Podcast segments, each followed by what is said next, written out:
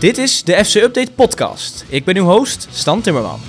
PSV werkt zichzelf in de nesten, in Duitsland wil niemand kampioen worden, de scheidsrechters zijn de gebeten honden en Barcelona haalt zich de boosheid op de hals door een video aan Rusland. Het is maandag 22 mei, ik zit hier met eh, Frank Hoekman. Frank, goedemorgen. Goedemorgen Stan. Hoe is het met je? Uh, prima, ja hoor. Ook uh, na het mooie voetbalweekend, ja, ik ben benieuwd, uh, als Groningen-fan heb jij het schakelprogramma opgehad? Of... Ik, um, ik heb me zondag bewust even afzijdig gehouden. Ik heb alles wel teruggezien, maar um, ja, nee, FC Groningen, dat, dat, dat gaat als een nachtkaars uit. Nou, we houden toch een prijs over aan dit seizoen. De, de gifbeker, die komt in de... Het is geen gifbeker meer, ik zei het laatst ook al, het is gif gifton, het is een gifzwembad. Dat gaat echt nergens meer over bij Groningen. Ja, die krijgt een mooi plekje naast de KNVB-beker van 2015. Nee, dit is um, huilen met de pet op. Ik heb denk ik wel heel, ik heb wel heel vaak gehoord van en nu naar Arnhem, Vitesse Groningen. Ja, nee, ik, eh, ik, het, was, het was drama en uh, alles kwam weer samen wat er, wat er dit seizoen mis kan gaan, dat ging er mis. Uh, maar ik heb toch een mooi weekend gehad. Mijn, mijn amateurclub ACV is kampioen geworden in de derde divisie. Gefeliciteerd. Dus uh, daar halen we de positieve noot maar uit. En bovendien het zesde waar ik altijd in gespeeld heb, heeft ook een grote stap richting de titel gezet. Dus Kijk, uh, mijn weekend was toch goed. Ja, je, je zou ook al eerder van de Groningen heb je opgegeven, dus dan maar uh, mooi de blik op ACV. In de eredivisie, Feyenoord wist me een 1-0 achterstand om te buigen in Emmen. Ik was, nou ja, ik heb het al eerder aangegeven, mijn schoonfamilie komt in Emmen, dus ik hoopte toch wel op een stuntje. En dat leek er ook wel in te zitten, maar goed... Uiteindelijk werd het toch een zure nederlaag voor, uh, voor FCM en een overwinning voor Feyenoord, waar misschien er toch wel wat meer in had gezeten voor Emmen. Zeker ook na de 1-0. Uh, ja, want uh, dus ze kregen toch wel kansjes. Ja, Feyenoord was wel de bovenliggende ploeg, maar, maar Emmen die was dodelijk in de counter. En Zivkovic die kan dat. Dat hebben we bij zijn doorbraak in Groningen ook gezien. als je die één op één met een keeper zet, dan, dan heeft hij dat wel. dit seizoen natuurlijk in een elftal wat vaak met de rug tegen de muur heeft gespeeld. maar hij maakte hem perfect af. En hij kreeg bij 1-1 uh, eh, die grote kans die, uh, die door Van Boekel door de neus werd geboord. Ja, dat, ik, ik, ik heb hem meegekregen. Het is toch wel, ja, dat, maar had dat dan nog heel veel veranderd, denk je? Want hoe Feyenoord speelde, zeker ook na de gelijkmaker, richting de 1-2 en de 1-3. Had Emmen dat gered, denk je? Ook met een 2 Lastig, lastig. Feyenoord, uh, het was Feyenoord's eer te na, denk ik, om, om als kampioen te verliezen in, in Emmen. Dat wil je gewoon niet hebben. Bovendien longt nog dat puntenrecord voor de club. dus daar, daar waren ze echt wel op gebrand. Nou, dat feestje dat, eh, dat was wel uit de benen, om het zo te zeggen. De maandag, dinsdag uh, hebben ze nog die huldiging gehad natuurlijk. Maar uh, toen was het ook klaar. Toen was het ook klaar. Toen kon de focus op de rest van de competitie. Wat bovendien denk ik ook nog wel meespeelt, is dat met een goed resultaat in Emmen van Feyenoord... dat ze Excelsior zouden helpen. Dat is natuurlijk het kleine broertje. Um, dus nee, Feyenoord kon het alleen al naar Excelsior toe niet maken om daar uh, met de petten na te gooien. Los van het feit dat dat gewoon absoluut niet in het systeem zit van Arne Slot... Dus nee, ook als... Uh, als maar ik denk dat dat sowieso een beetje een dooddoener is in het Nederlandse voetbal. Want geen enkele ploeg gaat een wedstrijd op... Ja, kijk, misschien is Fortuna dan een, een ander voorbeeld. Daar komen we straks nog op. Maar mhm. een Feyenoord, ja, die willen niet... Voor, want Fortuna stond voor paal. Feyenoord wil niet voor paal staan omdat ze verliezen. Die willen gewoon... Die denken ook op halve kracht hadden, kunnen ze dit ook wel winnen. Nou, dat hebben ze laten zien. Nou, ik weet niet of het halve kracht, halve kracht was. Uh, ze, ze hebben echt wel even naar die 1-0 moeten schakelen. En uiteindelijk Danilo, uh, die maakte 2. Nou, leuk. Ik, ik, hoorde ook de commentator zeggen, mooi, uh, mooi feitje. De enige Feyenoorder die in alle wedstrijden dit seizoen in actie is gekomen. Dat is ook iets wat je niet, misschien niet had verwacht. Dan dacht je aan een Kukcu of een Geertruida. Maar ja, ja die hebben, die hebben allemaal wel wedstrijden gemist met Danilo. ook nadat hij zijn basisplek rond de winter definitief kwijtraakte aan Jiménez. eigenlijk elke wedstrijd erin gekomen als invaller nog. Dus uh, ja, mooi voor hem dat hij ook uh, weer even zijn, uh, zijn moment pakt. zo in de laatste wedstrijden van het seizoen. Misschien toch wel overschaduwd door de klasse van Jiménez. En de invloed van Kutsu en Geertruida en zo. Maar Danilo mag dan zeker wel genoemd worden in dat rijtje van belangrijkste spelers dit seizoen, denk ik. Hij is belangrijk geweest. In het begin van het seizoen was het natuurlijk heel lang stuivertje wisselen. tussen hem en Jiménez. Die, nou, Jiménez die moest zich natuurlijk ook aanpassen. die komt voor het eerst in Europa. Maar heeft uiteindelijk overtuigend die die eerste spitspositie uh, weten op te eisen in, uh, in Rotterdam. Um, dat is te hopen voor Feyenoord dat hij blijft in ieder geval. Ik, hij, Feyenoord wordt ook gelinkt aan Ricardo Peppi inmiddels. Ja, maar goed. Ja, jij als Groningen-fan zou dat misschien wel leuk vinden als hij dan een stapje maakt. Want hij gaat anders toch terug naar Augsburg. Uh, nou ja, anders dan, dan wordt hij ook bij PSV genoemd. Hè. Die, die waren afgelopen week, de berichten waren dat PSV het meest concreet was op dit moment. maar ik vermoed dat als, als Feyenoord met Peppi of een spits van vergelijkbaar uh, allooi een nieuwe spits haalt, dat het voor Danilo dan een einde verhaal is. ja, dat lijkt me wel. Maar laten we eerlijk zijn, een spits die het niet heeft gehaald bij Augsburg en nu een oké seizoen heeft gedraaid bij Groningen, die de hoop was in bange dagen. Ja, moet je dat als Feyenoord willen of moet je misschien iets hoger gaan inzetten, ook met het oog op Champions League voetbal? Uh, nou ja, wat, wat Arne Slot ook denk ik terecht benoemde na de wedstrijd, is dat Feyenoord er echt beter voor staat dan een jaar geleden. Um, de selectie is een stuk jonger, zei hij, en er staat een stuk meer waarde op het veld op dit moment dan, dan wat ze toen hadden staan. Um, met een Peppi die met de aanvallend een van de belabberdste ploegen van de Eredivisie er toch 12 inschiet.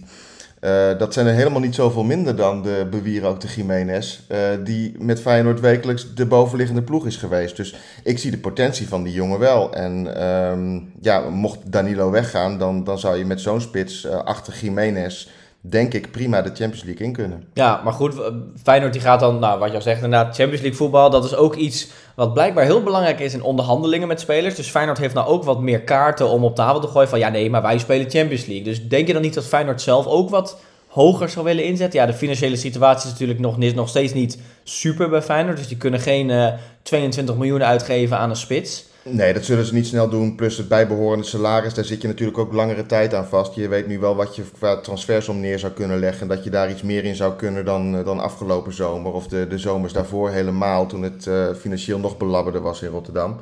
Maar uh, ja, je, moet je met zo'n speler ook voor lang, meerdere jaren vastleggen op een, een salaris van 2, 3, 4, 5 miljoen, wat, wat daarbij hoort. Uh, en ja, dat zullen ze in Rotterdam niet snel gaan doen. Dan moet je toch echt van jonge spelers hebben die, uh, die, die, die hebben gezien hoe uh, een aantal spelers de afgelopen jaren via Feyenoord de stap, een mooie stap heeft kunnen zetten en een mooie in de etalage heeft kunnen spelen. en daar zal Feyenoord in principe voor moeten gaan ten opzichte van gevestigde namen die, die voor heel veel geld naar Rotterdam komen, waarvan je ook nog maar moet afvragen of ze het waar kunnen maken. Ja, nou ja, we gaan zien wie er volgend seizoen uh, de strijd aan gaat met Jiménez uh, en Danilo voor de spitspositie bij Feyenoord. Emmen die uh, is nu gedoemd tot het spelen van na-competitie. Toch wel een, een sneu iets. Komt mede ook door de overwinning van Excelsior op een ja, eigenlijk een pover. En we hadden het er net al over werkwijzigend Fortuna, leek ja, het wel. dat ging nergens over. Die zijn klaar natuurlijk. Die, die, zijn, die zijn al met vakantie in hun hoofd blijkbaar. Want het, het, het, gaat nergens meer om. Ik denk dat Fortuna ook de enige club is die zo een wedstrijd, zeg maar... Want het, is, het kan aan kwaliteit liggen, dat je er gewoon echt niet... Niet, bijvoorbeeld dat was nog met Groningen, want die probeerden het nog wel, maar dat was gewoon echt, die, die, die kwamen er gewoon niet aan te pas. Mhm. Maar Fortuna was gewoon niet teruglopen, niet, gewoon het niet willen eigenlijk. Ik denk dat werkweigering de, de lading wel dekt, inderdaad. Uh, een hoop chagrijn uh, daar ook, denk ik, uh, als je zulke wedstrijden ziet. Nou, het is natuurlijk weer onrustig rond de club geweest dit jaar. Uh, Bork Yilmaz, die zagen we zaterdag ineens nog opduiken bij Lille, zijn vorige club. Nou, die is dan, zou dan geblesseerd zijn, dat is de officiële lezing. Nou, het lijkt erop dat hij zijn laatste wedstrijd voor Fortuna gespeeld heeft inmiddels. Um, dus ja, uh, die, die zullen ook uh, even een reset moeten hebben van het zomer en, en moeten kijken uh, hoe ze volgend seizoen ingaan. Want dan, dan willen ze niet nog een keer zo'n seizoen met zoveel onrust. Des te knapper dat ze zich gehandhaafd hebben. Dat wel, ondanks die, die trainer die, die toch op een aparte manier in het nieuws kwam elke keer. Maar ja, uiteindelijk, ze hebben natuurlijk ook wel kwaliteit rondlopen. En uiteindelijk hebben ze het gered ten opzichte van een aantal clubs die, die natuurlijk hele moeilijke seizoenen hebben gedraaid. Dus Fortuna is veilig, dat waren ze al. En Excelsior nu ook. Ja, en Ajax die won uh, moeizaam van Utrecht. Het, uh, ik moet zeggen, ik heb voor het eerst in jaren alleen het schakelprogramma aangehad. Ik heb even de, de meldingen van de doelpunten uitgezet. Ik ging puur het schakelprogramma kijken. En dus ik heb niet de hele wedstrijd gezien, maar mm -hmm. toch wel, dan merk je ook wel dat het wel moeizaam was van Ajax uh, tegen Utrecht. Je had na 20 minuten dan de 1-0 van Bergwijn, vlak na rust 1-1 van Doevikas. En toen dacht je wel van, nou, hier gaan we weer. Het uh, wordt de vierde plek dit jaar. Nou, en dan komen Bobby en Klaassen om uh, de dag te redden. En toch uiteindelijk met, uh, met 3-1 te winnen. Met een assist van Mika Gods, de, de Belgische aanwinst van Ajax. Ja, die viel goed in. Het was ja, natuurlijk ook na zijn penalty in de bekerfinale. Hij drukt wel, of nou, drukt zijn stempel. Hij geeft zijn visitekaartje een beetje af. Hij, hij laat zien dat hij echt wel wat kan. En ik denk ook dat de verwachtingen zijn hoog. Maar goed, dat is eigenlijk bij iedereen die Ajax koopt. Um, ja, hij werd wel gepresenteerd als toptalent, maar we hebben dat uh, over meerdere spelers gehoord de afgelopen jaren, die uiteindelijk roemeloos weer, uh, weer teruggingen naar Scandinavië of wat dan ook. Dus uh, nou, hij, hij krijgt nu zijn moment en dat doet Heitinga goed. Nou, Heitinga heeft natuurlijk een goed beeld van wat er rondloopt in de jeugd. Dus hij geeft nou, niet alleen uh, Gods, maar natuurlijk ook Hato uitgebreid de kans in deze tweede seizoen zelf. En ja, dat is, de jeugdopleiding moet een, een levensader van Ajax zijn. Van oudsher. Het is natuurlijk ook al een mooi uithangbord inderdaad, met, waar goede talenten uit voort zijn gekomen. En ja, de meest recente is toch wel Joral Hato, mm -hmm. die gisteren opnieuw de man of the match was. ja, hoe, waarom kan het dat een Joral Hato de kar moet trekken in dit team waar miljoenen op het veld zijn. Met een Thalys, met een Bergwijn, met een Brobby. Maar toch dat hij eigenlijk de, de, de grote man is uh, op het veld. Ja, het voordeel wat Hato misschien heeft, is dat hij uh, er niet heel dichtbij betrokken was. Het, het chagrijn onder, uh, onder Alfred Schreuder. Hij, hij is eigenlijk pas, pas rond het... ehm, volgens mij heeft hij zijn debuut gemaakt in het bekerduel met Den Bosch eerder dit seizoen. Dat zou, daar moet ik je op je woord geloven. Hij heeft in ieder geval dit seizoen natuurlijk voor het eerst uh, uh, in, in het eerste gespeeld. Hij is nu ook officieel naar de eerste selectie gekomen. Maar wanneer hij zijn debuut heeft gemaakt, dan moet ik je even, even schuldig blijven. Ik meen dat dat zijn debuut was. Nou ja, wat goed is, komt snel, zeggen ze altijd. En uh, hij heeft zich geruisloos in het elftal gespeeld. Um, stond er overigens, kon er weinig aan doen bij de, de 1-1 van Doevikas, moet ik zeggen. Ja. Die de, knappe spits trouwens hoor. Die, die tussen 4-5 Ajaxide in de 16 wegdraait en die verre hoek weet te vinden. Um, ja, dan, dan moet een Hato het doen. Ja, en hij, hij laat het wel zien, want hij was belangrijk bij die, uh, bij die 1-0 inderdaad ook. dat, dat kwam bij hem vandaan. Die, die aanval werd via hem opgezet ja, hartstikke knap. En ik, uh, ik verwacht dat hij volgend seizoen uh, uh, ja, zich moet gaan richten op een basisplek. En dan kan het hard gaan met zo'n jongen. Ja, want het is natuurlijk, Ajax die heeft de laatste jaren een, heel, een hoop goede verdedigers uit de jeugd weten te halen. Nou, laten we hopen dat hij de nieuwste revelatie is in de Johan Cruijff Arena. Um, dan rivaal PSV, die speelde toch wel een hele vermakelijke wedstrijd. en eigenlijk, nou ja, we kunnen misschien, we moeten niet te diep op ingaan. Maar de strijd om plek 2 is die weer een beetje open. Op papier wel. En ja, het zou nog kunnen. Zeker met, het, uh, met de onrust die we toch in Eindhoven hebben op dit moment. Daar hebben we het zo meteen nog wel even over, denk ik. Maar als je kijkt naar die wedstrijd, dan zat daar, uh, zaten daar meerdere elementen in, volgens mij, van het PSV van dit seizoen. Uh, aan de ene kant een ploeg, ploeg die wel met karakter speelt en, en toch ook tegenslagen weet te overwinnen. Want ja, ze komen toch terug tot die 3-3. Maar je ziet ook verdedigende fouten zoals Ramaljo bij die, bij die eerste oh. goal van, van Van Ewijk van, van Heerenveen. Ja, dat, dat mag, mag, ze niet, mag ze niet gebeuren. En ja, die, die defensieve onzekerheid, dat was de Achilleshiel van PSV dit seizoen. En dat kwam ook weer pijnlijk tot uiting. Ja, ze hadden ook maar zo kunnen verliezen van Herenveen in eigen huis. En dan was het helemaal open geweest. Ja, nu redden ze nog dat punt. En, ja. Dat zou een heel belangrijk punt zijn. Want het verschil daarin is nu dat als PSV een punt pakt tegen AZ dit weekend, dat ze plek 2 veilig hebben. Nou ja, stel ze hadden verloren, dan moesten ze winnen. Met het oog natuurlijk dat Ajax wint van Twente is ook nog niet zomaar gedaan.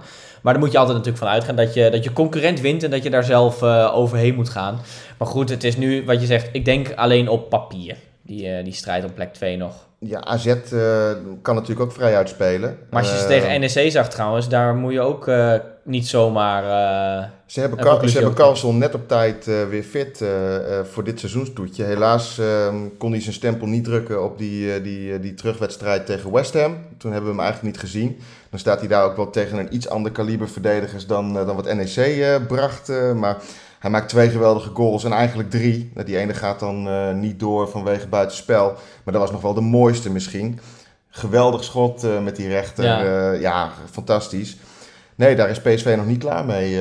met, zeker met de defensieve onzekerheid van PSV in het achterhoofd.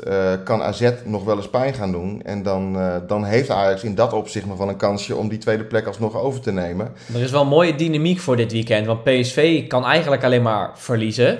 AZ kan eigenlijk alleen maar alles winnen, want die staan vierde. Nou ja, als je over Ajax heen gaat, dan zou dat super zijn. Maar goed, niemand verwacht dat van je, zeker niet aan het begin van het seizoen. En Ajax, die kan zowel tweede als vierde worden. Dus het wordt, de, de dynamiek van dit weekend zal heel, uh, heel tof worden om te kijken wie waar gaat eindigen. Het wordt maken of breken voor Ajax. En, en wordt je toch, uh, komt dat, dat rampscenario uit dat je toch vierde wordt als Ajax zijnde? Ja, dat is dus een ramp, in, in, in theorie is dat een rampscenario. Maar aan de andere kant, uh, dan raak je de successupporters kwijt. Dat zijn er nogal wat.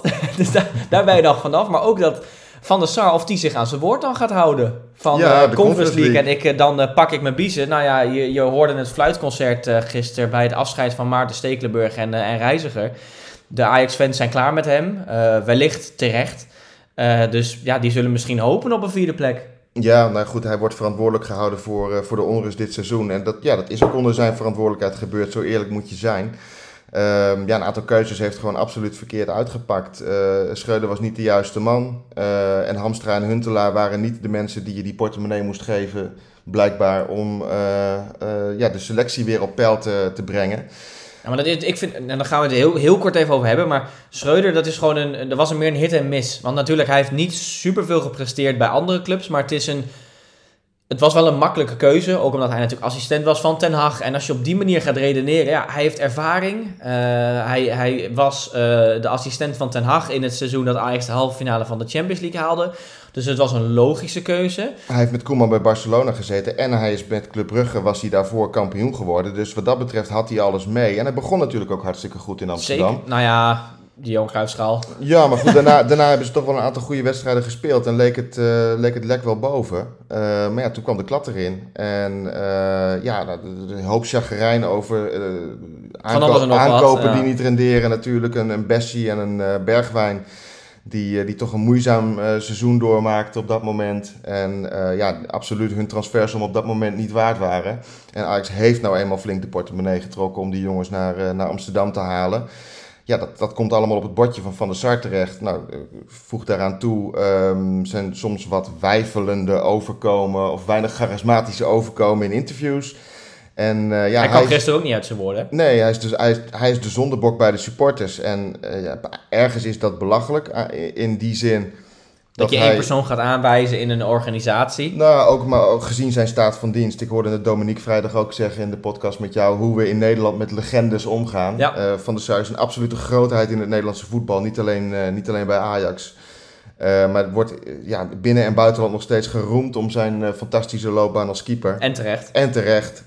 maar dat is helemaal niks meer waard op het moment dat je zoiets presteert. Nou, dat past in een rijtje waarin ook Van Basten eh, voor pannenkoek wordt uitgemaakt. Het is een van de absoluut grootste spelers in de geschiedenis van het Nederlandse voetbal. Ruud Gullit die als analist een beetje zijn nalatenschap uh, de grond in werkt. Uh, zo, en zo heb je nog talloze voorbeelden, bijvoorbeeld of een Kenneth Perez. Je hebt er meer dan genoeg. Maar eigenlijk moet je dus als uh, succesvolle voetballer... moet je dus eigenlijk daarna niet meer in de voetbalwereld gaan werken... want dan hou je je nalatenschap in leven. Dat is eigenlijk ja, hoe je dit moet brengen. Of je moet heel veel kunnen brengen als, als trainer. kijk, een Cruijff die, die was als voetballer geweldig. Maar die heeft daarna als trainer nog een enorme stempel op het voetbal gedrukt. Wat we tot op de dag van vandaag merken met een Guardiola en een Koeman en, en noem maar op. En, en in hun kiel zocht weer een, slot die zich ook een enorme Guardiola-adept mag noemen.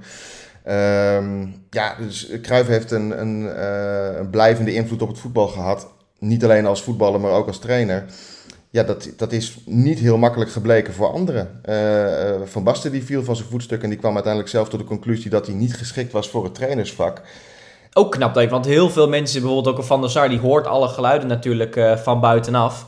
En dan is het nog maar, nou ja, je moet het maar durven om dan op die plek te blijven zitten. Ik denk dat een, een ander goed voorbeeld dat het eigenlijk Ruud van Nistelrooy is. Want daar is natuurlijk ook nu de nodige onrust bij. Want uh, in de week na de gewonnen bekerfinale tegen Ajax zou er bij PSV een gesprek zijn geweest tussen een aantal spelers en directeurs Marcel Brands en Ernst Stewart.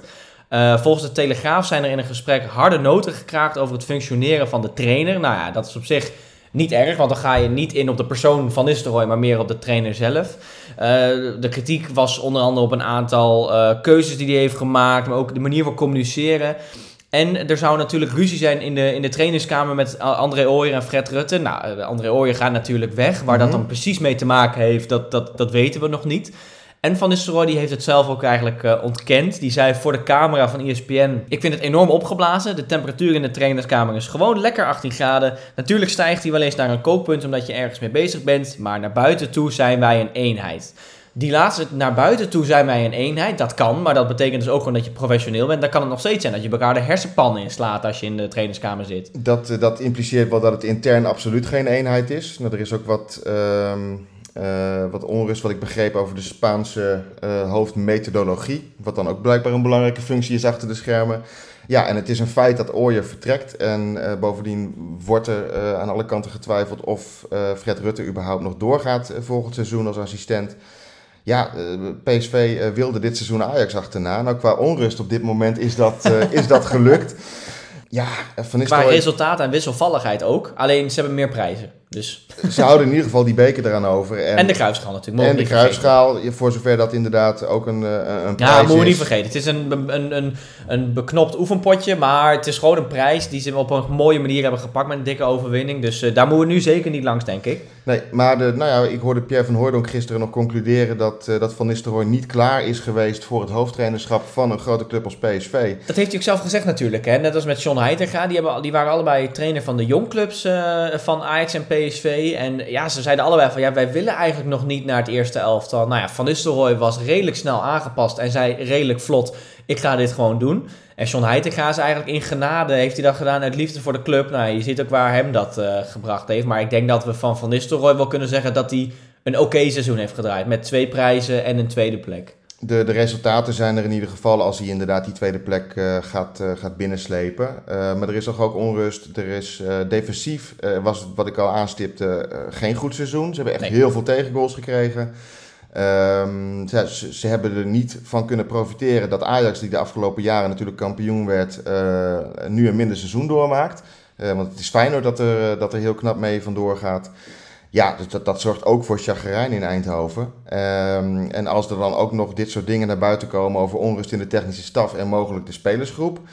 Ja, dan, dan, dan weet ik niet in hoeverre je kunt zeggen dat Van Nistelrooy geslaagd is voor zijn eerste seizoen. Nee, puur naar de resultaten kijkend uh, is het een prima debuut. Maar inderdaad qua uh, rust in de club en rust eromheen. Maar goed, je hebt natuurlijk ook het gedoe gehad met de Jong die weg is gestuurd, de technisch directeur.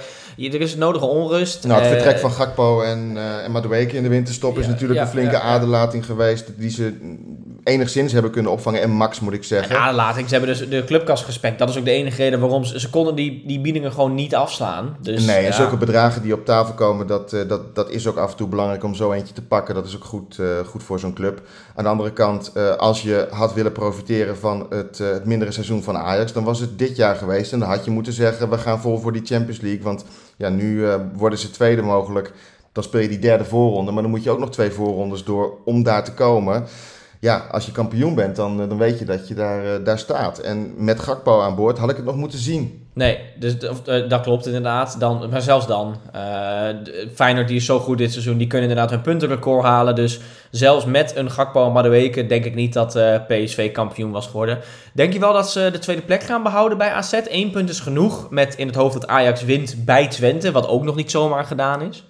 Ik denk dat het 50-50 is, maar gezien het feit dat PSV aan een punt genoeg heeft, verwacht ik dat ze hem over de streep gaan trekken. En dat ze in ieder geval uh, de voorronde Champions League halen. En daarmee, uh, nou ja, uh, toch hopelijk komende zomer ook voor hun in ieder geval hopelijk uh, Xavi Simons bijvoorbeeld binnenboord kunnen houden. Die willen ze het liefst verlengen natuurlijk. En die, die PSG-clausule moet uit dat contract.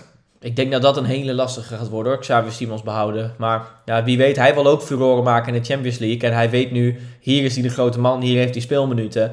En hij is nog heel jong, dus hij heeft nog alle Die tijd om zich te ontwikkelen. ja. Nee, deze week kwam naar buiten dat, um, of tenminste Rick Elfrink schreef, dat hij intern al had laten weten dat uh, PSV zich niet heel veel zorgen hoefde te maken over Paris Saint-Germain. Uh, hij zag zijn toekomst meer in Engeland of Spanje. Nou ja, in die landen uh, zal hij er ook goed op staan als, als international inmiddels. En als iemand die toch in zijn eerste volledige seizoen in de Eredivisie fantastische cijfers kan overleggen. En echt zeker na het vertrek van Gakpo de, de kar heeft getrokken bij PSV. Ja, als een club van de... hij is natuurlijk recent geswitcht van zaakwaarnemer. En uh, dat is familie van, uh, van Darren Dean, uh, wat ik begreep. Die heeft een familiebanden bij Arsenal. Dus dat, dat lijkt een club die, die mogelijk een voordeel heeft uit die switch. Pole position, hè, om eventjes weer een... Om, om, dat, om dat weer eens aan te halen. Um, ja, mocht, mocht Arsenal komende zomer komen, dan kan PSV vragen wat het wil. En dan heb je het al snel over 30, 40, 50 miljoen misschien wel. Ik denk dat je met Xavier Simons daar zo'n grote hype omheen... Ik bedoel, uh, Cody Gakpo hebben natuurlijk de hoofdprijs voor gevangen. Ik denk dat uh, Xavier Simons wel meer zou kunnen opbrengen. Ook een beetje naar zijn leeftijd kijken. Maar goed, nou, en een lang, hopen langlopend contract, dat helpt ook, ook. Laten we hopen voor het Nederlandse voetbal dat hij, uh, dat hij blijft. Um, dan gaan we voor de afsluiting van het Eredivisie weekend over naar... De tops en de flops. Ja, elke week hebben we op de maandag uh, drie tops en drie flops van het afgelopen Eredivisie weekend. Ik denk dat je dit weekend toch redelijk snel uitkomt uh, uh, met de tops bij Excelsior, Jorrel Hato en AZ. En ik denk dat alle drie voor zich spreken. Excelsior natuurlijk met die klinkende overwinning uh, voor het eerst dit seizoen. Uh, dat ze echt, echt over een club heen walsen. Nou, het was dan wel dat uh, Fortuna een beetje aan werkweigering deed. Maar dat staat er los van. Het was gewoon een, een leuke wedstrijd om naar te kijken. En alles was er eigenlijk om een mooie middag te hebben en, en hun handhaving te vieren. Um, ja. ja. AZ weet natuurlijk ook allebei. ook een geweldige pot gespeeld. met, met dan een prachtig afgekeurde doelpunt. Carlson die helemaal on fire was. En NEC die er eigenlijk weinig op in te brengen had. Uh, Lasse Schöne die nog wel een beetje boos was over de scheidsrechter uh, Sander van Eyck. Deels terecht of Vind je het een beetje makkelijk na een 3-0 nederlaag uh, waar je niks te vertellen had om dan te gaan zeiken over de scheidsrechter? Hij had een punt, hij had een punt. Maar uh, nou, laten we er niet, uh, niet te lang bij stilstaan. Ja, hij was boos. Uh, dat was je, het. Je, je, moet, je moet je frustratie ook ergens kwijt. Maar, maar AZ won daar volledig terecht. En uh, nou, zeker na de, uh, de uitschakeling in de, in de Conference League. Uh, is dit de enige goede manier om je te Dit is de enige manier op je, waarop je kunt reageren. Ja, en, uh, en Hater natuurlijk, nou, daar hebben we het net ook al over gehad. Dus dat zijn uh, de drie tops voor het weekend. De flops, nou, daar hebben we toch wel een aantal waar we uit moesten kiezen.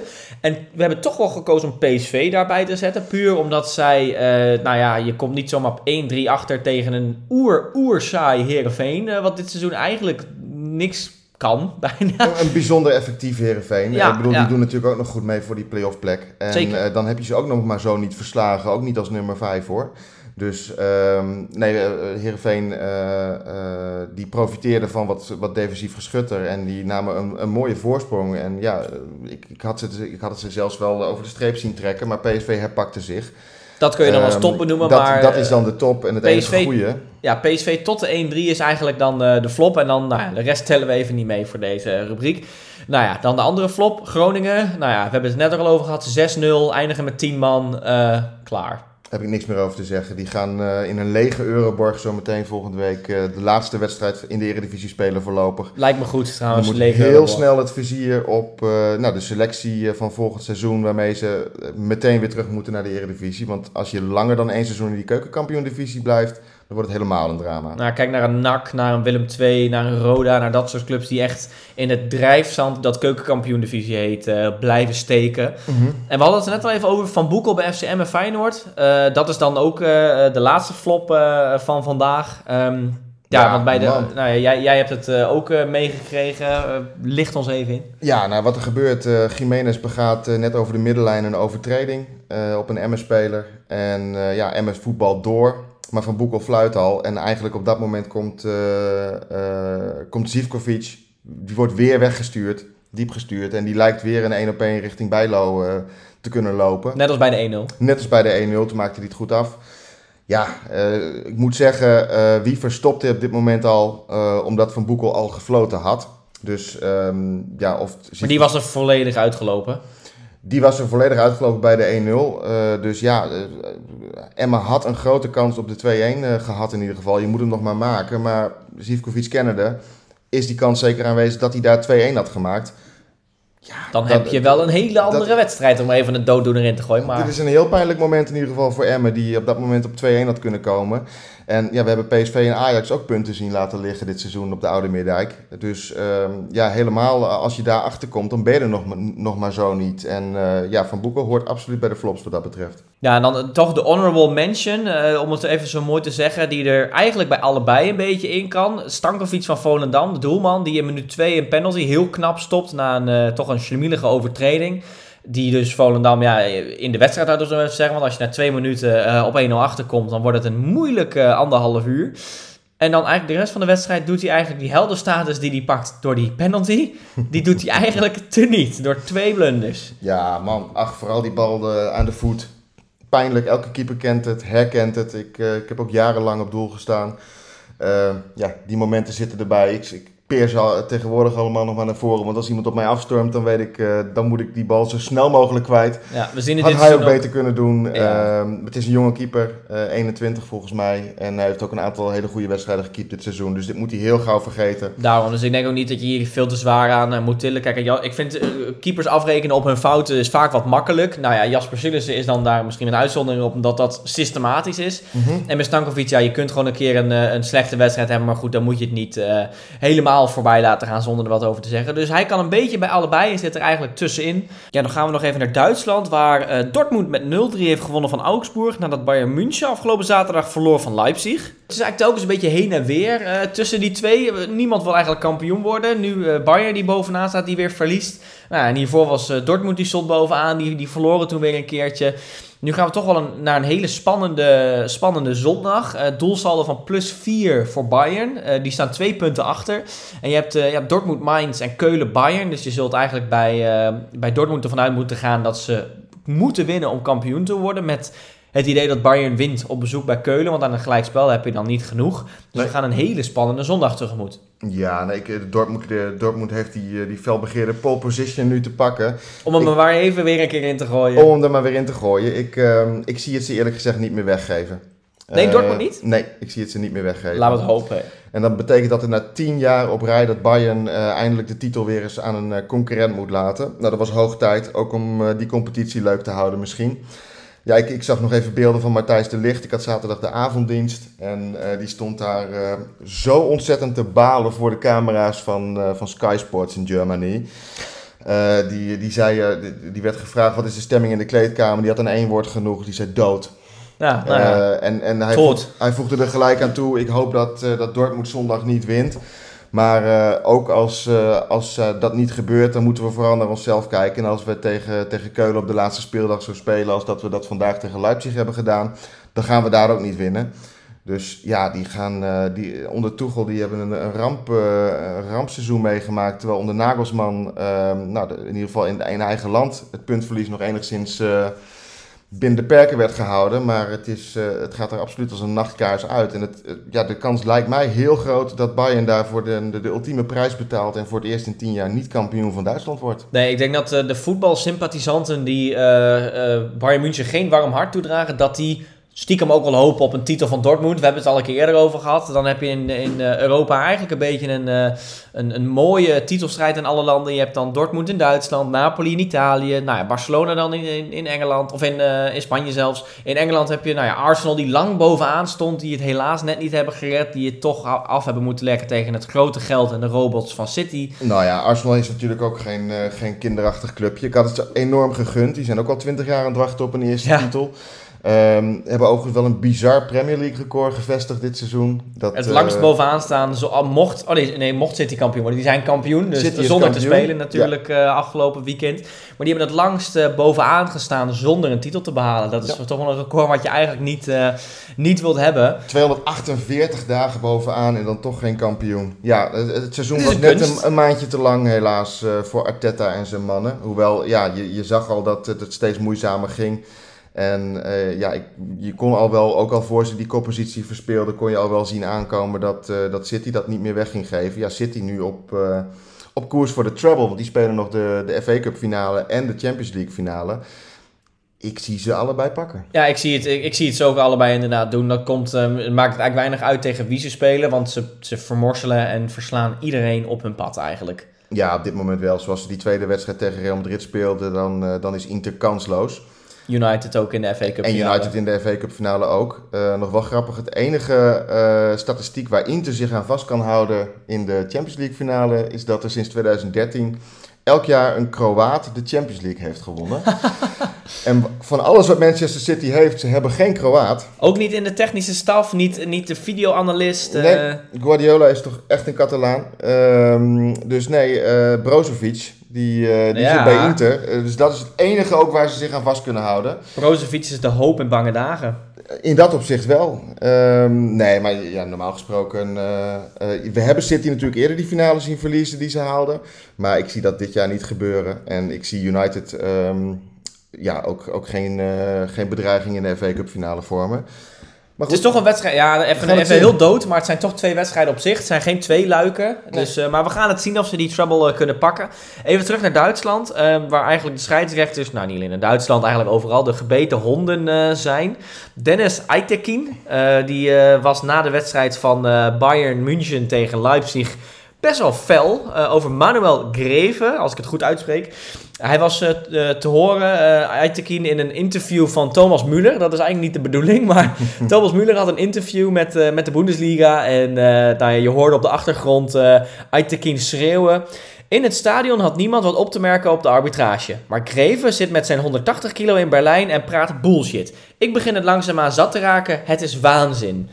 Dat wilde hij dus natuurlijk niet uh, zomaar dat het uh, de, de buitenwereld bereikte, zeg maar. Maar nu, uh, ja, als je zo hard schreeuwt dat Thomas Müller tijdens een interview even zijn mond houdt, omdat het zo eraan te koe... Ja, het is toch wel heftig en niet heel slim. Ja, bizar. Doe dat lekker achter gesloten deuren, zou je zeggen.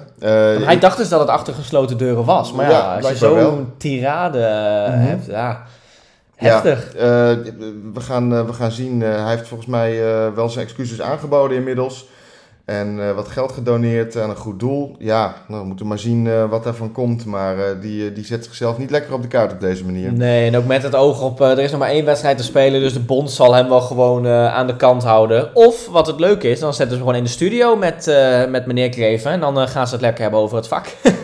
het zou in ieder geval hele mooie televisie zijn. Verder in, in, in Spanje ook natuurlijk. Vinicius kreeg rood nadat iemand een beuk gaf. Nou ja, boos op de scheidsrechter. En achteraf eigenlijk nou, niet terecht, want ik vind wel dat hij rood had moeten krijgen. Maar uh, als je ziet hoe hij werd vastgepakt, hij werd echt gewoon bij zijn keel gegrepen door iemand van, uh, van Valencia. Nadat hij racistisch bejegend werd. Uh, het is ook niet de eerste keer. Hij zette een heel mooi, -hmm. heel, nou, mooi sprekend statement op zijn, op zijn Instagram-pagina. Best wel lang eigenlijk ook over dat racisme in Spanje normaal is. Nou vind ik dat misschien wat... Ja, ik, ik, ik, ik zat hier gisteren nog over na te denken, hoe ga ik dit zeggen? Maar ik moet wel een beetje oppassen, want uh, natuurlijk het racisme dat moet direct de kop ingedrukt worden en dat, dat kan natuurlijk niet. Maar uh, hij zei in Brazilië staat Spanje bekend als een land van racisten en ik kan uh, Spanje niet verdedigen. Ja, ik dat is een dat zelfs pittige de, uitspraak hoor, heel ik, pittig. Ik hoorde dat zelfs de Braziliaanse president Lula zich erin gemengd had. Nou is Lula niet iemand die een relletje uit de weg gaat? Maar... Zeker niet. Nee, het, ja, racisme. Het is in, in Spanje en we hebben het eerder dit seizoen ook in Italië meegemaakt dat daar met Lukaku uh, een aantal keer dat dat, uh, dat dat uit de hand liep. Ja, het is blijkbaar toch iets wat, wat in Zuid-Europa dan nog, nog regelmatig de, de kop opsteekt. Ja, dat hoort niet in het voetbalstadion thuis. Ik las ook dat Justin Kluivert namens, de, uh, namens Valencia eigenlijk zijn excuses wilde aanbieden aan Vinicius dat hij, dat, uh, dat, dat hij die zaken naar zijn hoofd geslingerd had gekregen in het stadion. Je ziet ook bij, bij Valencia lopen ook gewoon uh, donkere spelers rond. Dus ja, het staat nergens op. Nee, maar ik probeer, ja weet je, je moet ook niet de logica mm -hmm. zoeken, want dat heeft eigenlijk geen zin. Maar dat is misschien, als je kijkt naar Nederland, dat is iets, ja, we hebben nu supportersproblematiek, maar goed, mensen die geen hooligans durven aan te spreken. Dit is iets wat in Nederlandse stadions gelukkig nauwelijks gebeurt. Je hebt een keer bijvoorbeeld bij Den Bosch Excelsior, uh, kan ik me heugen, dat het daar een keer misging. Maar ik ben wel eens bij Ajax en als je dan iemand, uh, ik hoorde iemand een keer, nou, die, riep, uh, die riep iets richting een speler van, ik ben even vergeten van welke club, maar die riep iets in de trant van uh, Aap. Nou, die is toen het vak afgeslagen door een aantal supporters. Dus dat laat wel zien, da daar is in Nederland een zero tolerance op. Gelukkig, maar helaas in Spanje dus nog niet. Dan blijven we eventjes in Spanje. Een video van Barcelona die wat ja, uh, mensen heeft doen fronsen van wat gebeurt ons hier nou. Uh, de club bedankte de Russische fans voor hun steun. Uh, Balde en Sergio Roberto spraken de fans toe. Lieve fans uit Rusland, dank voor jullie steun en energie. jullie maken ook deel uit van dit succes. We hopen nog meer prijzen te gaan winnen en tot snel. Ja, ter verdediging van Barcelona. Ik geloof dat dit uh, niet een, een, initiatief vanuit de club was, maar een, een, een, filmpje die ze vanuit de competitie opnamen. Maakt, maakt toch niet uit? Dan, als, nog, als, dan als... nog moet je als speler, uh, in, welke, in welke bubbel je ook leeft, toch weten dat je op dit moment met aardige woorden voor Rusland internationaal enigszins een flater slaat. Ja, maar laat die boevenbond van de La Liga alsjeblieft even ophouden. Je, doet dan, je wil zieltjes winnen door bij een uh, scorebord, zet je dan altijd een Oekraïense vlag neer, nog steeds als een van de enige landen volgens mij die dat nog op die manier doet. Dus ja, mooi statement. En, eh, op zich een mooi statement, maar als je dan dit doet, dan laat je eigenlijk zien van weet je, wij willen zieltjes winnen, wij willen geld verdienen. En ja, Rusland, daar zit toch veel geld in. En uh, dit filmpje was bedoeld voor uh, de, de zender met de uitzendrechten in Rusland. Ja. Ja, dan moet je ook als Sergio Roberto schaam je je niet? Of Balde, schaam je je niet? Die jongens die hebben een tekstje gekregen, die hebben ze van een autocue voorgelezen. En ze hebben er blijkbaar, niet bij nagedacht. Ja, die, die, die slaan een mooie flater. Uh, aan de andere kant, uh, we zien natuurlijk dat het geld uit Rusland, maar ook uit, uit andere landen, uh, waar wij in Nederland wel het een en ander over te zeggen hebben. Dan kijk ik vooral richting de Qatarhoek en de Saudi-Arabië-hoek. Ja, die regeren het voetbal op dit moment. En ja, de, de UEFA heeft de banden met Rusland dan wat verbroken. Maar ja, Gazprom was ook een van de grote sponsoren van de Champions League. En prijkte ook op de shirts van een aantal clubs. En um, ja, er gingen ook grote toernooien naar, uh, naar Rusland. Er gaan grote toernooien naar Qatar. En Saudi-Arabië is bezig om dat WK van 2030 binnen te halen. En Messi binnen te halen. En Messi binnen te halen en noem maar op. Uh, ja, de, herkomst van het geld is, uh, is blijkbaar niet belangrijk. er moet gewoon zoveel mogelijk geld binnengepompt worden in, in die grote competities. In de Premier League, in, in de UEFA, in de Champions League. En ja, de UEFA die heeft daar absoluut geen, geen moreel kompas in, blijkbaar. Nee, maar goed, dat zijn, ik bedoel, de FIFA net zo. Het zijn allemaal bonden die het voetbal steeds lelijker maken. En dit is eigenlijk een school, schoolvoorbeeld van hoe het gaat. Lewandowski was ook niet blij. Hij werd een beetje uh, onaangenaam verrast uh, door de video. Um, hij kwam er wat later achter en hij zei: Ik was er nogal verrast door, om het zacht uit te drukken. Ik heb navraag gedaan bij de club. Het is geen officiële boodschap, maar een boodschap tijdens een meeting met de uitzendgemachtigden van La Liga in Rusland. Nou ja, dus hij, laat, uh, hij wilde niet te hard zijn, maar hij zegt, hier sta ik niet achter. Nee, nou ja, Polen, uh, Polen zit natuurlijk aan de grens met Oekraïne. En dat land dat doet enorm veel ook om, uh, om het buurland te helpen in die, in die strijd tegen, tegen Rusland. Ja, dus ik snap dat het Lewandowski extra raakt. En hij geeft wat mij betreft de enige juiste reactie die je kunt geven. Dat denk ik ook. Nou snap ik wel dat hij niet helemaal de, de club en de, de, de bond en zijn medespelers afbrandt. Maar hij laat toch wel zien van dit, dat dit niet uh, de bedoeling is. Shakhtar Donetsk die heeft ook eventjes fel gereageerd met een, uh, met een tweet. Um, uh, Barça-spelers Sergio Roberto en uh, Balde namen een video op voor de fans uit het land dat Oekraïners vermoord, kinderen vermoord en onze steden verwoest. Al verkoop je honderdduizenden shirts, dit is geen mensenlevens waard. En de club richtte zich dan in een volgende tweet ook nog even naar uh, Lewandowski.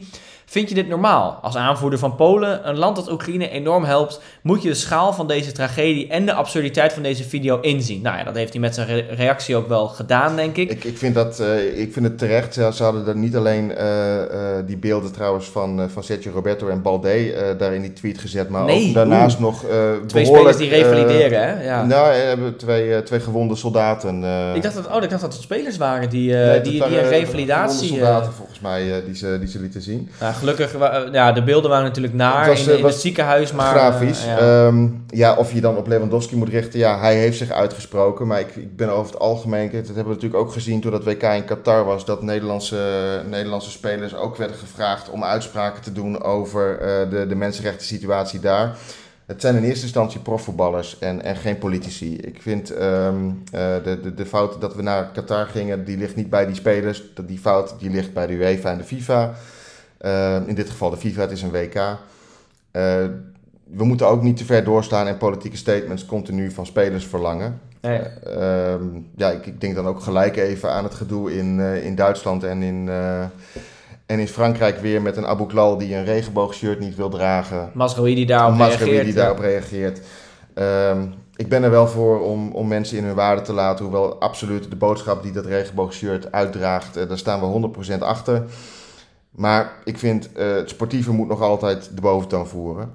Maar dat is al jaren niet meer zo. Maar dat komt ook. Voetbal is de meest bekeken sport ter wereld. Voetballers zijn voorbeelden voor jong en oud. Dus op het moment dat je een boodschap wil uitdragen, dan gaat dat via voetballers. Want ja, als je heel veel mensen wil bereiken, dan ga je via voetbal. En geld regeert. Dus als uh, een bond of een goed doel zegt: jongens, wij willen x bedrag bieden. En dan gaan jullie met regenboogletters spelen. Ja dat is hoe dat gaat tegenwoordig in het voetbal. Maar laten we hopen dat op een gegeven moment uh, dat zulke dingen de kop in wordt gedrukt. Want ondanks dat de boodschappen inderdaad, dat we erachter staan, uh, regenboogdingen uh, tegen discriminatie, noem het allemaal maar op, staan we allemaal achter. Maar ik denk niet dat dit de manier is om het te uiten. Om de aflevering toch eventjes een beetje positief af te sluiten. Um, Bas Kuipers die zijn contract verlengt na de wedstrijd van Go Eagles op het veld. Ja, ik vond het schitterend. Ja, hoodie geweldig. op, tafeltje op het veld. Ik vond het super tof. De enige man met een zwarte hoodie dit weekend die voor een glimlach heeft gezorgd voor, uh, op de tribunes en uh, bij de televisiekijkers. Ja, hartstikke mooi. Hij zei er ook bij, uh, volgens mij, ja, dit hadden we afgesproken van tevoren, doen we alleen als de wedstrijd ook leuk was. Nou, dat was die absoluut voor Go Ahead. Ja, sympathieke jongen. we hebben hem dit jaar een aantal keer positief in het nieuws gezien. Hij heeft ehm, ook een fantastisch initiatief opgezet dit, dit seizoen voor de, voor de Hersenstichting ja, hele positieve jongen daarin. en mooi dat hij, dat hij zijn toekomst vastlegt bij Go Ahead. Want hij, nou, hij, hij, kan absoluut daar, hij voegt daar absoluut wat toe. En het is, het is een club die in de Eredivisie hoort. En mooi dat ze hem langer binnenboord houden. Ook overigens leuk, hij kwam laatst nog met een, een, mooi advies voor Ajax op de proppen. Dat hebben we ook nog even meegenomen destijds. Dat is alweer twee, drie weken geleden. Maar toen opperde hij zijn oude trainer nog als kandidaat voor, uh, voor Ajax. Mocht John Heiting gaan vertrekken. Dat is George Hadji. Ja, dat is als je, een, uh, als je het bekijkt. Uh, met, want hij heeft natuurlijk, heeft hij onder Cruijff gespeeld? Zeker, bij Barcelona. Dus dat, ja, dus dat laat wel zien, uh, dan is de cirkel eigenlijk mooi rond. Misschien een beetje die filosofie terugbrengen bij Ajax. Het is een keer buiten de lijntjes kleuren. Dat willen denk ik Ajax zien al jaren. Uh, een hij, hij, zag het niet gebeuren hoor. Hij zegt, Hadji zit vast in Roemenië, waar hij natuurlijk een levende legende is. Dus ja, we, gaan, we gaan er niet vanuit dat hij kandidaat is in Amsterdam. Nee. Maar de gedachte was prikkelend. Ja, het is in ieder geval leuk. Ik denk alleen dat clubs zoiets en dan op deze manier een contract verlengen vaker moeten doen. Ik schiet dan eigenlijk onze bedrijfstak een beetje in de voet. Want ja, wij leven natuurlijk op nieuwtjes en uh, gelekte, gelekte uh, dingen vanuit clubs. Maar ja, op deze manier kun je wel veel creatiever zijn in het wereldkundig maken van dingen. Want bijvoorbeeld bij een bergwijn of zo, dan ben je al maanden van tevoren ben je er al mee bezig. Nou, een week van tevoren is het, oh breaking, Ajax is rond en het is getekend. Nou, dan gaan ze een mooi filmpje maken en dan is het na een week van, oh, announce bergwijn. Maar ja, nu kun je eindelijk een keer wat creatiever zijn met, met dingen. Want Ajax heeft het volgens mij ook een keer gedaan met Alvarez uit mijn hoofd. Dat ze bij een laatste training uh, op het veld uh, zijn contract hebben verlengd. Maar dat zijn wel echt leuke dingen die we er denk ik uh, in moeten houden bij het voetbal. Zeker, ludiek gedaan. Chapeau. Ja, inderdaad. Dus uh, kudos, uh, kudos, kudos, kudos, voor uh, Go Ahead Eagles. Ja, wij zijn er natuurlijk vrijdag weer. Dan bespreken we de doordeweekse wedstrijden. Gaan we vooruitkijken op het weekend en bespreken we de actualiteit. Frank, bedankt voor het aanschuiven. Geen punt. En, ja, bedankt. luisteraars, tot vrijdag.